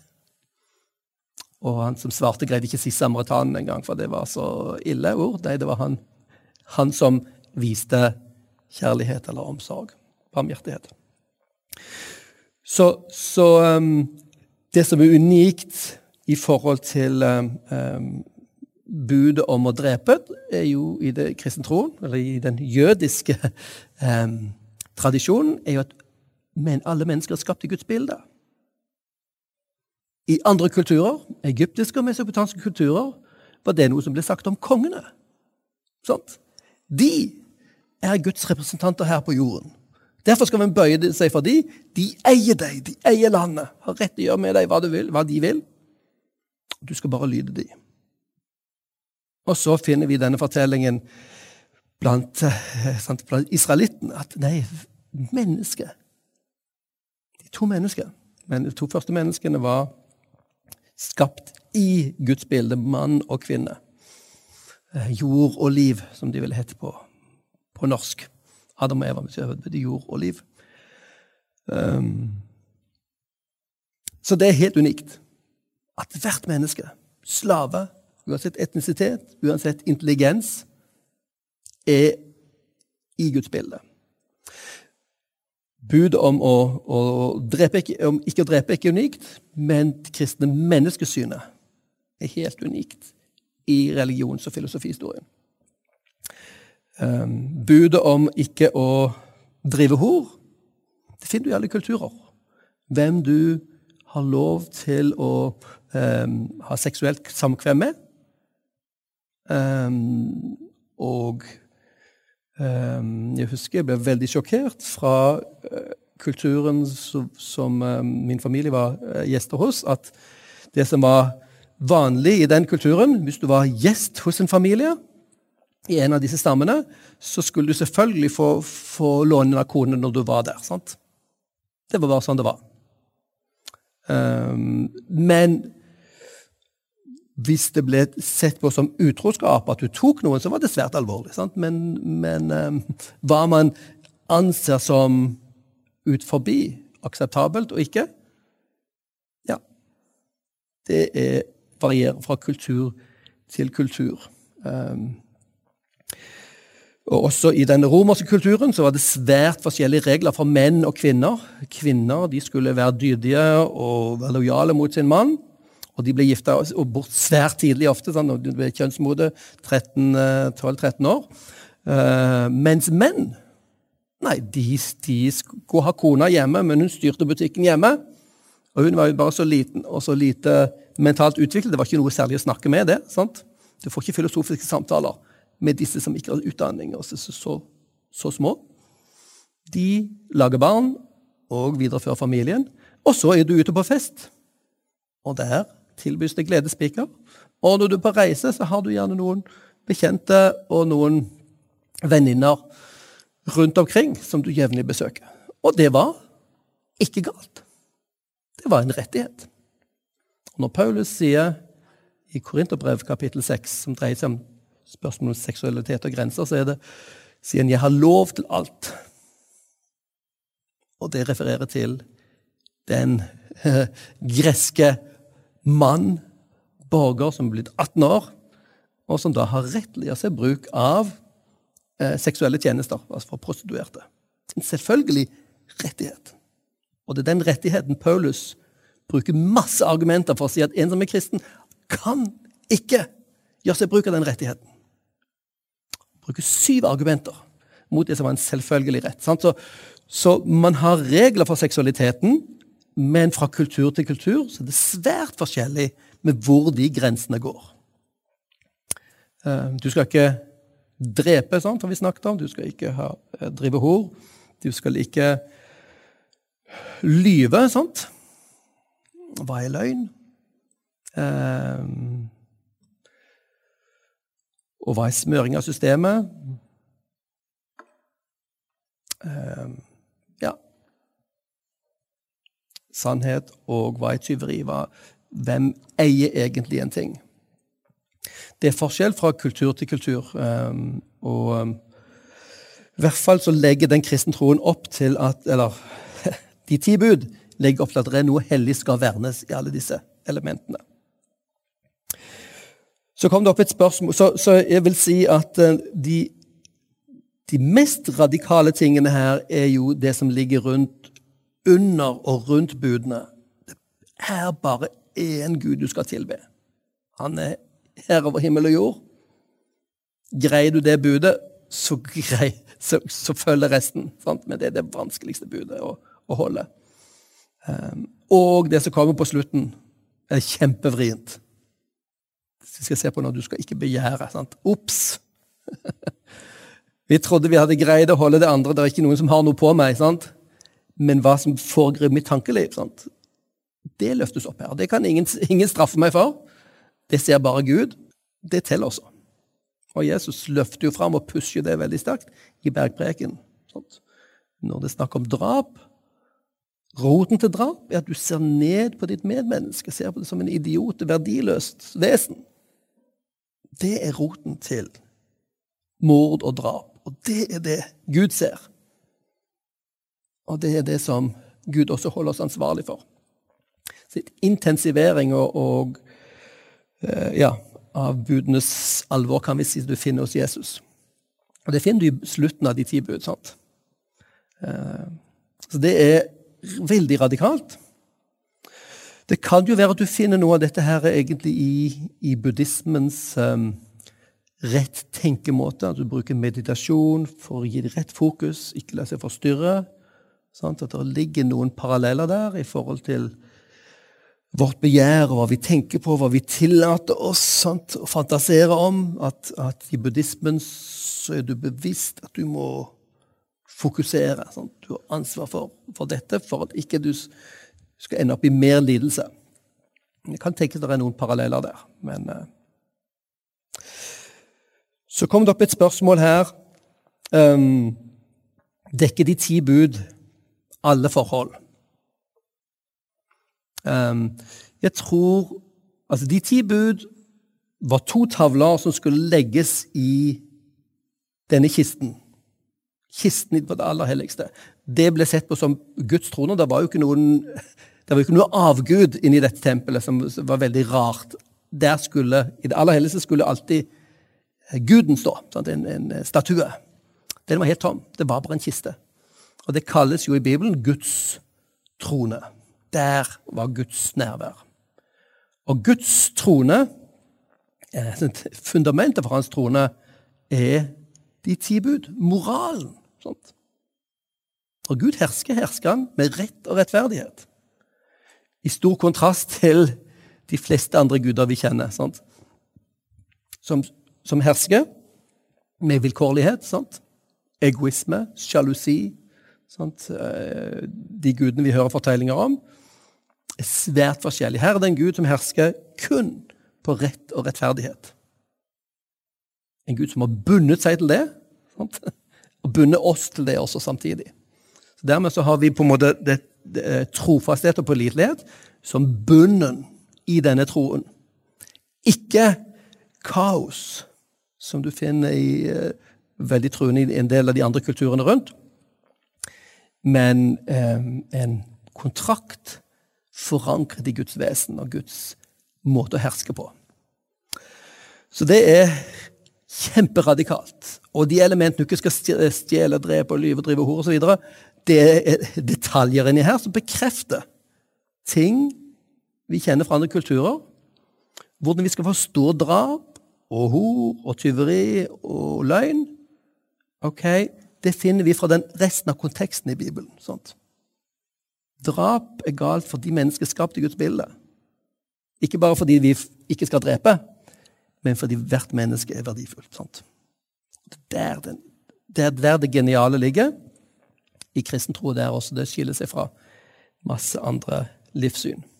Så dekker de ti bud igjen på alle forhold. Um, jeg tror vi kan si det er veldig grunnleggende ting. og du Leser du de, så ser du ja. Det er veldig grunnleggende. Det sier hvem Gud er, og binder oss til Han, og setter opp en del rammeverk for hva er rett og godt. Men så fortsetter jo um, um, Andre Mosebok med masse andre regler for atferd, oppførsel, straffesystem og et svært offersystem sånt, som de trengte. Det er ikke meningen at disse, disse ti budene skal dekke alt, men de er helt grunnleggende. De ligger i, under Guds trone. Eh, så jeg tror det er slik det skal forstås. Så hvordan var det med de ti bud i fortsettelsen? Jeg er ikke helt sikker på om vi fanger opp det spørsmålet her, men jeg har prøvd å forklare at, at um, hele den pakten som man inviteres inn i på Sinai fjell, sant? den er svært radikal. Og den er forankret i hvem Gud er. Jeg er. Jeg er Javé, han som blir gitt sitt navn. Han er definert. Han har forklart oss hvem han er. Din Gud. Du skal ikke ha andre guder enn meg. Startpunktet. Og det er unikt og svært utfordrende. Um, og det, dermed skiller, skiller, dette seg fra de fleste andre de, tankesystemer. Moralen, de moralreglene de er bare en del av dette større. Um, og De ti bud er altså del av pakten med det jødiske folk, med, det, med Israels folk. For Luther var det en veldig viktig ting å si at vi lever under en ny pakt. Vi er ikke bundet av de ti bud. Vi er ikke bundet av det Moses fikk høre på på Sinai fjell. Vi har en helt ny pakt med nye vilkår. Med nye regler, med nye strukturer. Sånt. Og så ser vi jo at, at sånn måten både Jesus og Paulus, Nytestamentet, det er oppfyllelsen av dette. Det er ikke en fornektelse av det, men oppfyllelsen. Og, og hvis, du på, hvis, du ser på, listen av de, de ti budene, så er ni av de Ni av de blir gjentatt i Nytestamentet. Og vi finner stadig Eh, ting nevnes stadig om alle disse budene. Ni av de ti. Det er ett bud som ikke videreføres i Nytestamentet. Det er sabbatsbudet. Det vitner om at dette er, dette er et bud for det jødiske folk som holder sabbaten. Vi kristne har ikke det som en plikt. De første kristne var jøder. De holdt sabbaten, de møttes i tempelet helt til tempelet falt og de ble kasta ut av Jerusalem. Da måtte de samles i hjem og i hus. Um, og de jødene fortsetter med sabbaten og påskefeiringene. Men hedningene, de som ikke har jødisk bakgrunn, hvorfor skulle de feire sabbat? Så etter hvert som det ble flere og flere hva vi kaller hedningkristne, som var altså ikke-jøder, som ikke hadde noen, noe system på, på eh, sabbatsfeiring, og ikke hadde mulighet til det heller, for de fleste var jo tjenere eller slaver, og kunne ikke bare ta seg fri når de ville. sant? Nå har jeg sabbat for en sjef. Sant? Du sier ikke det til sjefen din. Eh, men de samlet seg.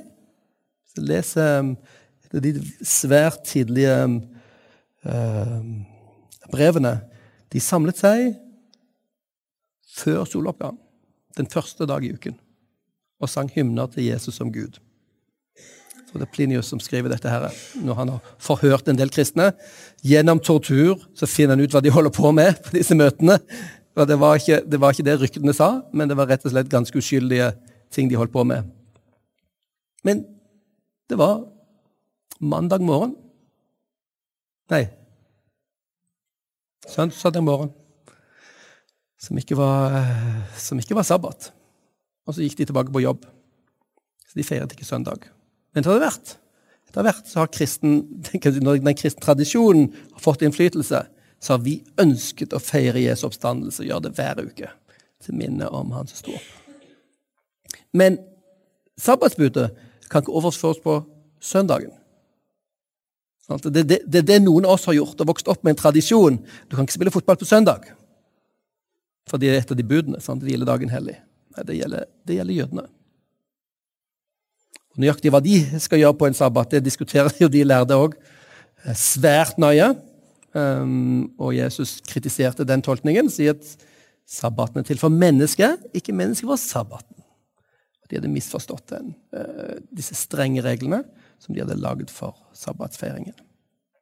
Men jeg tror nok, jeg, jeg vil jo si at søndagsfeiringen for oss er en del av det som hjelper oss å holde en åndelig rytme i livene våre. Sånt. Vi innvier vi uken for Gud. Vi får til og med fri sant? uten å krangle med vår sjef.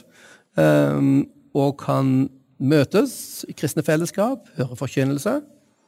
Og vi får hvile. Sant? Og vi får lørdagen òg. Og vi har lang tid på ettermiddagen kvelden som er fri. Masse, masse fritid. Men, men uh, med søndagen så, så, så si, importerer vi en sånn type rytme som jødene hadde, som kan være svært åndelig nyttig for oss. Ja, så, så um, De ti bud er blitt brukt i, i, undervisningen, ikke minst etter reformasjonen, som en måte, en sånn pedagogikk for å lære kristen tro. Men det hører strengt tatt til den jødiske pakten. Sabbatsbudet minner oss om det. Dette er ikke kristne sin pakt, dette er jødenes pakt. Og så har vi en ny pakt. Ja, um, la oss uh, gå litt videre. Så, og, og um, er det noen spørsmål som kommer opp, så tar vi det på slutten igjen. La meg nå gå på bud nummer ni og ti. Uh, og igjen vitner jo dette om den litt vilkårligheten som er i, i, i når vi gir tall på de budene. Um, bud ni og ti det er to bud som høres veldig like ut, som kanskje mer sannsynlig er regnet som ett bud. Du skal ikke begjære din nestes hus. Du skal ikke begjære din nestes kone, slaven eller slavinnen hans, oksen eller eselet hans eller noe annet som hører din neste til. Ja. Um, og hvis vi leser den, den lille katekismen så, så, og forklaringen til disse budene, så sier Luther slik uh, Vi skal frykte og elske Gud, ikke med list, trakter etter vår nestes arv eller eiendom, eller prøver å ta noe fra ham med knep, men hjelper ham så han får ha sitt i fred. Altså tiende bud vi skal frykte og elske Gud, så vi ikke lokker eller truer fra vår neste, hans ektemake eller noen som arbeider hos ham, men minner alle om å være trofaste og gjøre sin plikt. Hm. Um, ja, du skal ikke begjære det nestes hus, og heller ikke hans kone, slaven og slavekvinnen, oksen eller eselet, eller bilen. Uh, der kjenner jeg noe. Mm. Mye fine biler rundt omkring nå for tiden. Uh, jeg elsker bil, og jeg elsker estetikk og teknologi. Det gjør at uh, det blir svært interessant, så heldigvis så ordner seg av seg selv. Økonomien gjør at jeg kan gå og beundre dem og lengte etter dem. Men ikke sette mine skumle planer ut i, uh, i livet så lett som, uh, som en skulle ønske. Ja, men hva er egentlig begjær? Sant? Begjær å ha lyst på noe, beundre noe. Um, en lengsel etter noe. Det er jo ikke galt, det. Sant? Å lengte etter noe. Gleder. Um, se på noe som er vakkert. Og så kommer vi over til, uh, til den, den, negative siden. Det å ville noe som er vakkert godt men, og verdifullt. Men tilhører andre. Sant? Det er der den negative siden ved begjæret kommer inn, hvor vi vil drive dette fra noen, gjør det til mitt. Uh, det der begjæret blir en negativ ting. Tror vi uh, han har en forklaring på, på, på, dette. Luther også, men jeg tror vi hopper over den. Og så ser vi på litt mer på dette med uh, begrepet begjær. Sant? Og vi kommer jo over til på disse to siste budene på å snakke om noe som ingen andre enn oss selv kan vite noe om. Sant? Om du lyver, så kan du bli testet. Om du dreper eller stjeler, så kan du bli tatt for det. Ingen kan ta deg for dette begjæret. Og så må vi da skjelne mellom et type begjær eller lengsel eller uh, beundring og det å ville gjøre noe sant, som ikke hører til meg, til mitt. Det er forskjell på de to tingene. Og uh, hvor grensen går, det vet vi jo ikke alltid i vårt sinn her, men uh, poenget er at her skal vi stoppes før vi kommer til den andre tingen ta noe som ikke er ditt. Og kanskje vi kan lære noe av buddhismen her. sant? Buddhismen er jo svært opptatt av begjæret.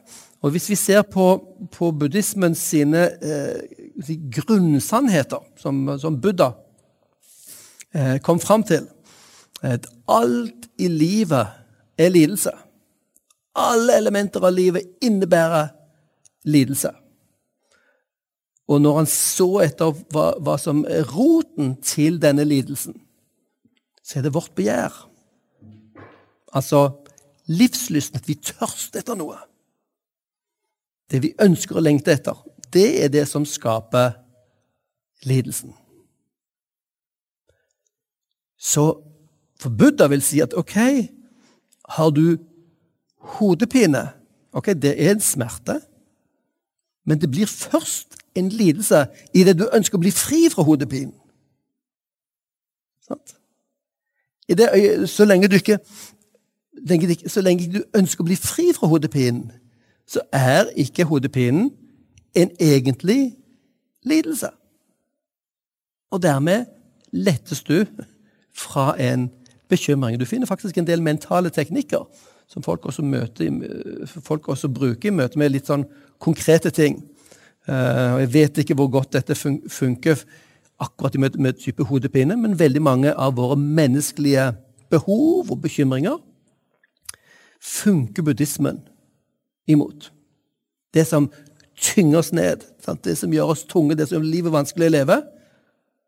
Hvis du bruker buddhismens prinsipper, så vil du finne ut at de fungerer svært godt. Skummelt godt. En av mine gode, eh, gode venner heter Ellis Potter, en amerikaner som var buddhistmunk i 15 år. Eh, han har vært her i Kristiansand, eh, Misjonshuset også, på Veritas-konferansen. Han fortalte at det buddhismen, zen-buddhismen som var hans retning, den var et fullkomment, vanntett, logisk system. Og det funker svært godt. Det funker. Det reduserer lidelsen. Eneste problemet med buddhismen sant? det er logisk konsistent. Det fungerer. Problemet er bare ikke sant. Eneste problemet. Eh, men tanken her er at lidelsen har sitt opphav i vår livslyst, eller vårt begjær. Og da må, den, må den, dette begjæret slukkes, eller livslysten. Hvis du kan greie det,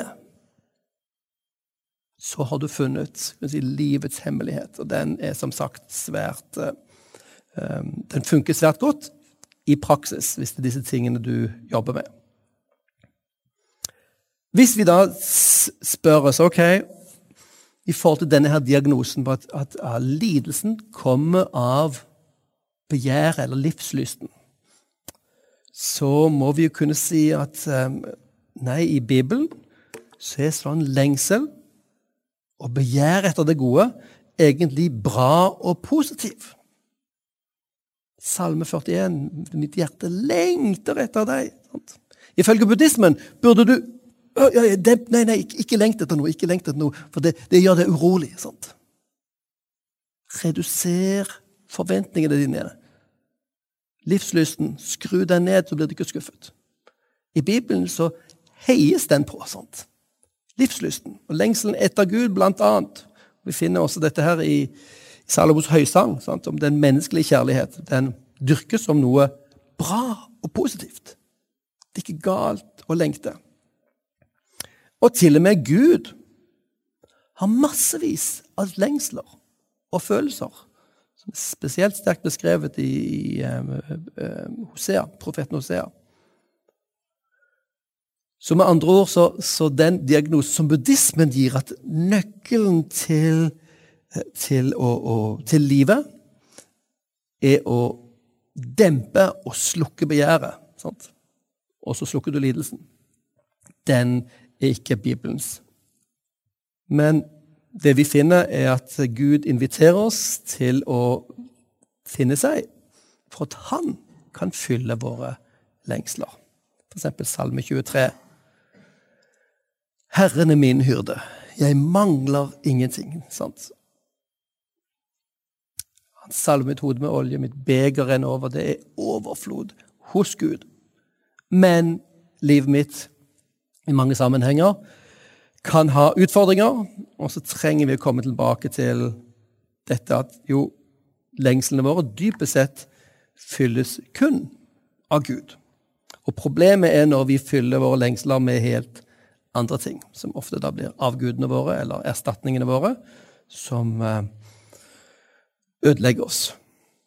La meg si noe om, om eh, si, begjærets Eh, dimensjoner. Du skal ikke begjære, du skal ikke gå rundt og trakte etter ting som andre har, med tanke på ønske om å grave det til deg, eller tenke om dette kunne være ditt. Hva er det som er problemet med begjær? Det er ikke bare det at det skaper lidelse, men det har en sosial dimensjon. Mitt begjær innebærer misnøye med andres lykke. Ifølge Bibelen skal vi glede oss med andre som er glade. Begjæret mitt sant, kan jo fullstendig ødelegge mitt forhold til min egen bil, fordi den nye er så mye bedre. Sant? Og så, når du kjører så fin bil, og jeg begjærer den, så ødelegges mitt forhold til deg. Sant? Begjær er noe som ødelegger relasjonene. Det har en sosial dimensjon hvor vi, hele, hvor vi alle blir konkurrenter. Og vi må ikke la andre få noe mer enn oss. sant? Og du finner en del kulturer, og kanskje den moderne forbrukerkulturen, dyrker jo begjær og misunnelsen. Tenk reklamen, se hvor fint de har det. Vekke lysten etter å ha det.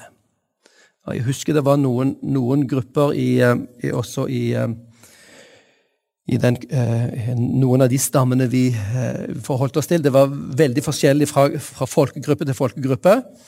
Men noen av de gruppene så var det sånn at du måtte aldri vise andre i din stamme at du eide noen ting.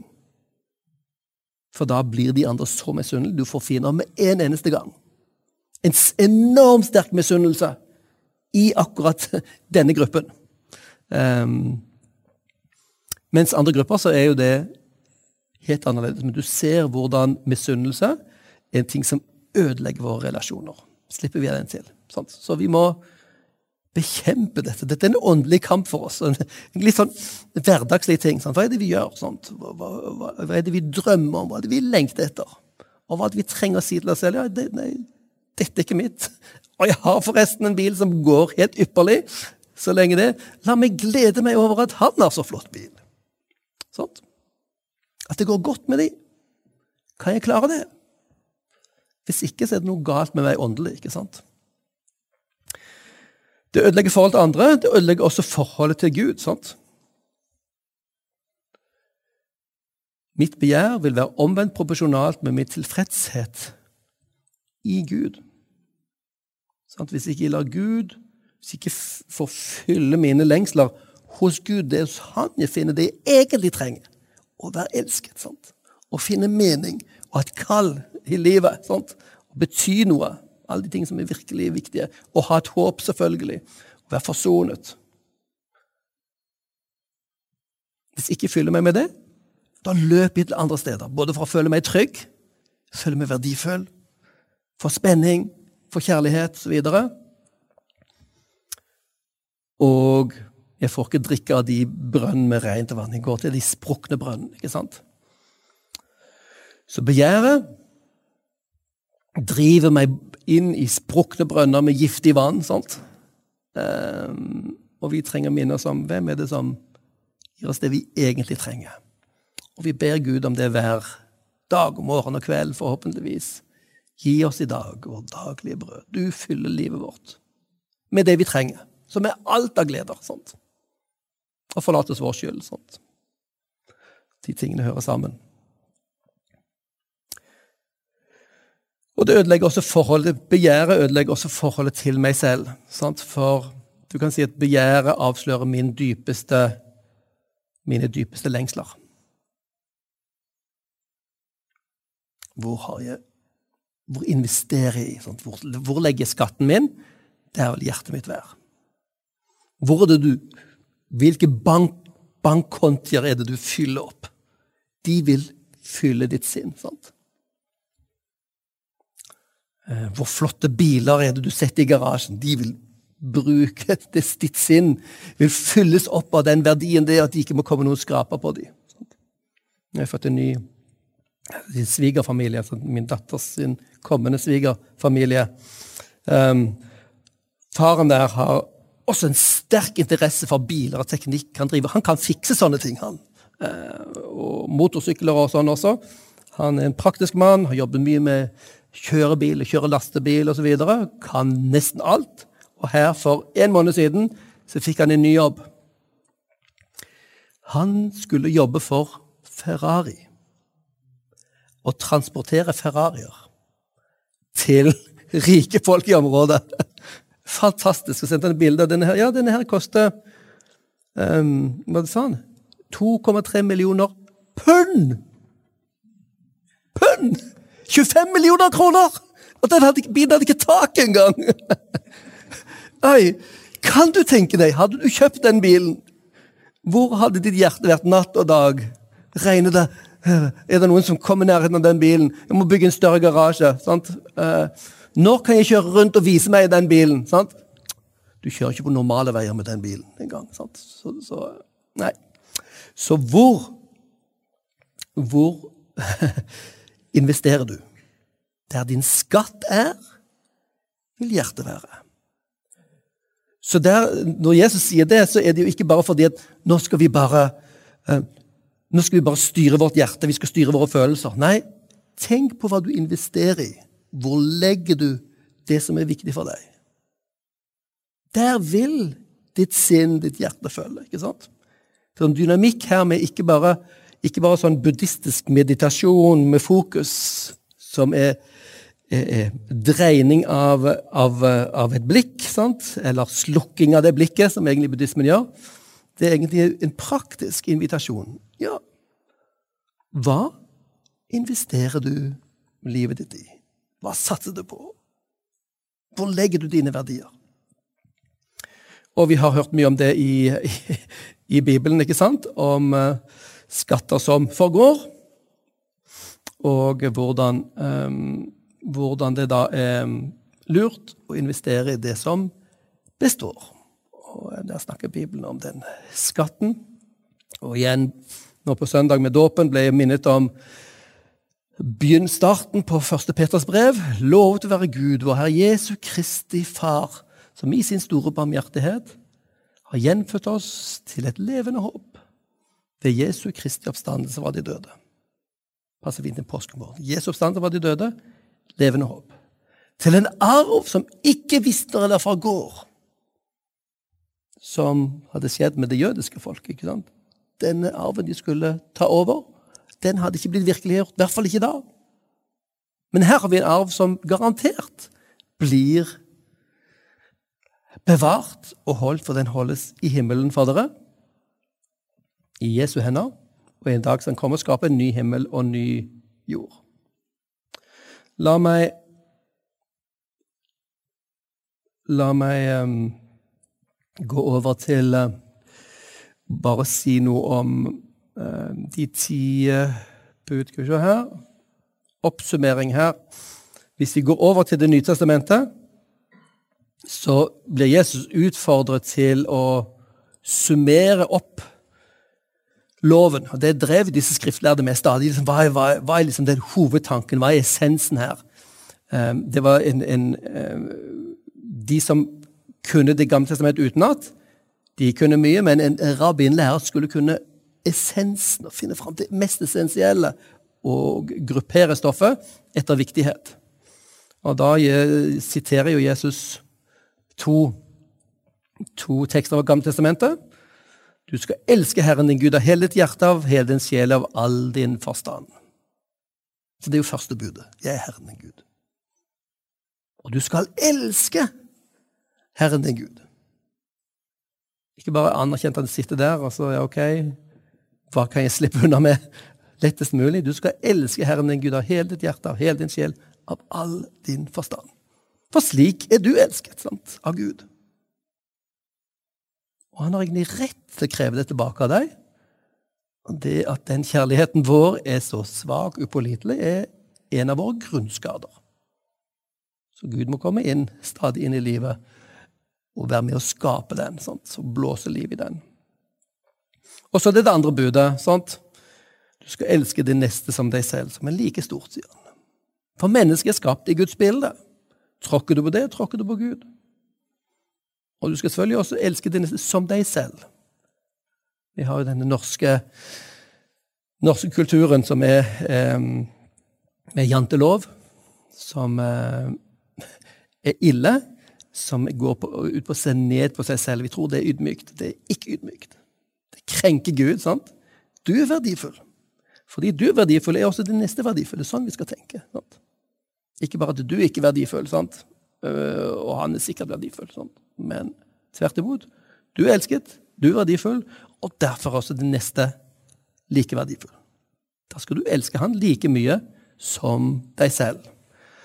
Og der kjenner vi jo umiddelbart at her har vi en utfordring for hvordan skal vi greie å følge dette?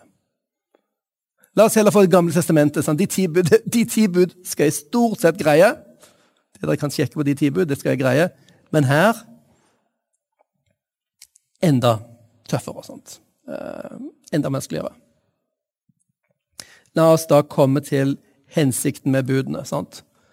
For hvorfor kommer Gud med sånne oppfordringer og befalinger sant? når han vet at dette kan vi ikke greie. Jo, for det første Det gjelder både Det gamle testamentet og Jesu oppsummering av det. Vi trenger budene av vårt forhold til andre igjen. Hvordan skal jeg leve harmonisk med andre? De, de ti budene og kjærlighetsbudet, den gylne regel, den hjelper oss til å sette ord på hvordan vi skal leve. Så det er mening med de. Det peker på hva som er rett, litt uavhengig av om vi faktisk greier å holde det eller ikke. Det andre er at budene er ment som et speil. Hvorfor lever jeg ikke opp til disse budene? Ikke engang de jeg selv anerkjenner. Sant? Du skal elske Herren din Gud av all din makt, all din kraft, hele din sjel. sant? Ops, det, det, det er ganske vanskelig. Vi skal greie å la være å lyve, i hvert fall noen uh, over en tid. Jeg har greid å la være å drepe, sånt, enn så lenge. Men hvis du tenker over budene, ikke engang de budene du selv anerkjenner, holder du. sant? Du ønsker å bli anerkjent og verdsatt. Og så verdsetter ikke du din neste. I hvert fall ikke de du ikke liker. Sant?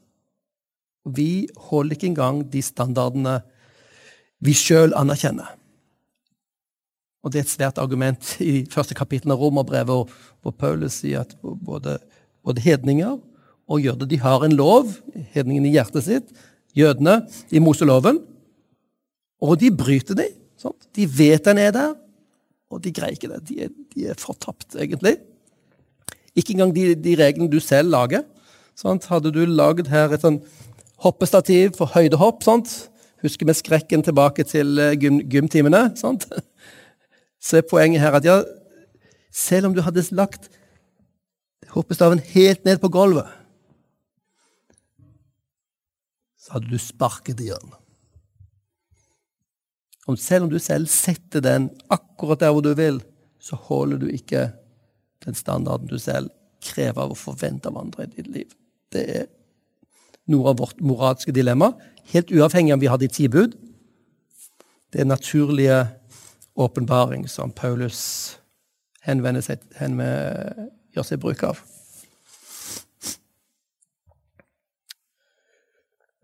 Og så er da dynamikken her. sant? Hvis jeg vet dette om meg selv, hvordan kan jeg møte han som jeg har sabotert og motarbeidet? Så Hvis det er Gud som har lagd disse budene, og jeg sjøl ikke klarer å leve etter dem, så skaper det et eksistensielt dilemma for meg. ikke sant? dette med Gud og Guds eksistens ikke bare en lek. Sant? Jeg vil, ha, vil jeg at det skal være en Gud eller ikke? Interessant intellektuelt spørsmål. Men hvis Gud har talt, han sier 'dette er rett', dette holdes du ansvarlig for, så ikke det er en lek lenger. Da er det ditt liv, sant? og det er liv og død. Ønsker du Han som fiende? Han som er opphavet til både universet og rett og godt. Og da er det godt å kunne vende oss til Paulus sitt resonnement. Dette går både på de ti bud, men også på den generelle erfaringen vår av moralske, vår moralske fallitt. Hvor han sier ikke noe menneske blir rettferdig for Gud på grunn av gjerninger som loven krever. Ved loven lærer vi synden å kjenne. Ingen kan greie å, å skaffe seg uskyld og bli rett, det som kalles rettferdig. Erklært uskyldig. Ved å gjøre og følge loven. For alle har brutt den. Men gjennom loven lærer vi Vi blir bevisst synden. Og så forteller han om det Gud har gjort. Men nå er Guds rettferdighet, som loven og profetene vitner om, blitt åpenbart uavhengig av loven. Dette er Guds rettferdighet, som gis ved troen på Jesus Kristus til alle som tror. Her er det ingen forskjell, for alle har syndet og mangler Guds herlighet. Men ufortjent, og av Hans nåde, blir de kjent rettferdige, frikjøpt i Kristus Jesus. Ham har Gud stilt synet fram for at han ved sitt blod skulle være soningsstedet for den som tror. Så finner vi altså i den kristne troen ikke bare en rekke med bud og en moral som har dødsalvor. sant? Fordi det er ikke bare regler for at det skal funke i samfunnet, men det er regler som ligger under Guds trone, som vi er bundet til. Og så er vi dødsens, hvis vi tar dette på alvor. Og så har Gud rydda opp i dette. Og det, har, det, det minnes vi om gjennom påsken, påskefortellingen, som gjør seg bruk av fortellingen fra Gammeltestamentet om offerlammet som ble slaktet, blodet som ble malt på dørene, for å hindre dødsengelen, som med rette kunne, kunne brakt død og elendighet over oss.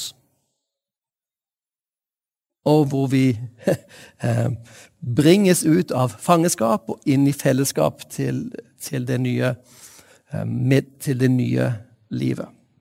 Så Derfor er det soning, ofring, en svært viktig del av den kristne troen av, i forhold til etikken. Det er ikke bare ta deg sammen, uh, bli bedre. Nei, men speil deg. Speil deg i Guds lov. Se hvor vakker og god den er, og se hvor dårlig du kom ut.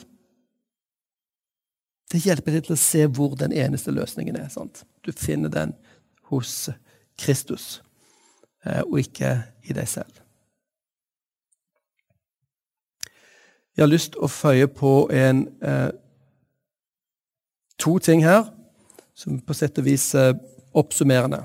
Det ene, det ene, går på strukturen i de ti budene, som kan være nyttig å ha med seg.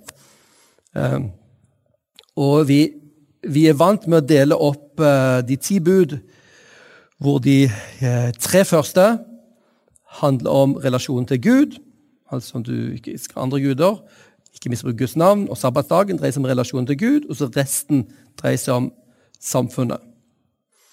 Men det som er interessant, er hvis du, hvis du tenker på tanker, ord og gjerninger, så finner du det i et mønster her i uh, disse budene, hvor bud nummer to og det om å vitne falsk dreier seg om ord. Sant? Tanker, ord og handlinger. Sabbatsdagen er en praksis. Sant? Og så har du handlinger som følger der etterpå også. Det er praktiske regler, samfunnsregler. Og så kommer vi tilbake til dette med bruken av ord i møte med samfunnet. Og så er de to siste fokusert igjen på tanker. Okay, det er interessant. Tanker, ord og handlinger. Alt. Alle disse tingene omfattes av de ti bud, som vi ofte tenker bare på som regler. Nei, de er svært uh, dype og omfattende. Um, og en ting, siste ting til siden jeg snakket om dette på, for de som fulgte med på Facebook, snakket jeg om at um, vi skulle ta opp spørsmål om, om uh, hvorfor er budene så negative. Fordi de begynner med 'du skal ikke, du skal ikke'. sant? Det er 13 ikke-er i de ti bud. Og Michel Onfray, her, en, en, en fransk, eh, ganske radikal um, ateist, sier at religionen er drevet av dødsønske. Et hat mot fornuft, mot frihet, mot seksualitet, mot nytelse, mot drifter. Så religion i sin essens er det å kvele livet. Og det passer jo godt med budene. Så du skal ikke, du skal ikke, du skal ikke. Er ikke dette snevert, livsfornektende? Budene er så negative. Ok. Som et svar på dette kan vi jo for det første si at Bibelen begynner ikke med budene, men det begynner at det var godt. Gud så det han hadde skapt, og det var godt. Det var såre godt. Harmoni og verdi ligger fra starten. Og det negative, altså det som forbudene, er til for å verne noe godt. Det er ikke det at, at, at verden og de gode tingene er noe negativt. Men fordi det er eh, verdifullt og godt, så trenger de å vernes. Og det er det budene er til for. Og her er det et poeng som eh, bl.a. John Dixon i um, A Doubter's Guide to the Ten Commandments John Dixon har jo vært her og kommet tilbake til um, Veritas-konferansen i 2024, forresten. Det kan være kjekt å vite. Gjerne følg hans podkast, Undeceptions. Svært interessant. Siste dreier seg om vikingene. Drev de med menneskeofringer. Så nå har han, han er historiker, så han stiller historiske spørsmål. Ok. Han, hans uh, Doubters Guide to the Ten Commandments har vært med å gi meg en, en, del, av, en del av stoffet her. Han påpeker dette her at negativ grammatikk, du skal ikke, betyr ikke negativ etikk. Forbudene gir stor frihet fordi bare få ting er forbudt. Tenk om du i budene skulle ha alle reglene for det. Dette skal du gjøre på fritiden. Når du reiser på ferie, så må du gjøre dette dette dette. dette. Tenk om budene skulle være påbud. Slik bruker du fritiden din. Slik kjører du til jobb. Tre, fire, fem, sant? Livet blir fullt av masse, masse påbud. Det er fordi at det er så få ting vi skal unngå, sant? Som gir oss veldig stor frihet. Ikke kjøre over 80, 80 km i timen. Ja, men du, fleksibelt å kjøre. Fart etter forholdene. Kom deg fram her. Bare hold fartsgrensen. Det er det eneste. Vikeplikten også, forresten. Eh, det hjelper deg å overleve, og andre også. Få ting som er for, for, uh, forbudt, fordi resten er frihet. Så den negative grammatikken i budene peker på den store friheten. At det, det, det er ikke sånn at Gud vil kontrollere alt vi gjør. Dere er fri til å gjøre dette. Det er bare ett tre dere ikke skal spise av. De ti budene, dette er reglene. Hold de, så går det dere godt. Forbudene viser Guds romslighet, ikke snever syn. Jeg tenker til og med den negative formuleringen i budene en fantastisk frihetsbudskap. Bare dette dere ikke skal gjøre. Sånt. De tingene er dødsens. Hold dere unna de. Hold dere unna høyspentskapet her, ellers er hele rommet deres. Sant? Det er ikke akkurat hvor dere skal stå, eller hvor dere, sant? hvor dere skal bevege dere. Hold dere unna høyspentskapet. Ellers er hele rommet deres. Faktisk viser til en stor romslighet og stor frihet. Og Det kan være også en god ting å avslutte med når det gjelder de ti budene. De ti budene er ikke gitt oss som en sånn en trang eh, eh, festbrems for å trykke oss ned, eller for å gjøre livene våre vanskelige og fjerne gledene. Nei, de satt der for å verne livsområder. Sånt. Fordi de er viktige. De trenger vi i samfunnet, de trenger vi personlig, de trenger vi i relasjon til Gud. Hvis de vernes, så vil vi, vil vi velsigne, sant?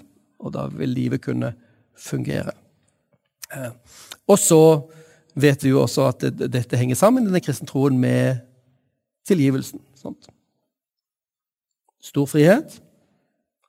Vi er som kristne vi er syndere. Vi holder ikke engang våre egne standarder, og heller ikke Guds. Trenger tilgivelse.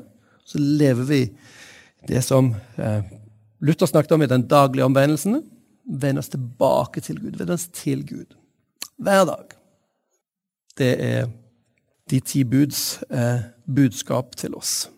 Så vil jeg si takk for i kveld. Takk at dere var med på denne serien. Eh, og takk for tips om hva vi skal gripe fatt i for høsten 2022.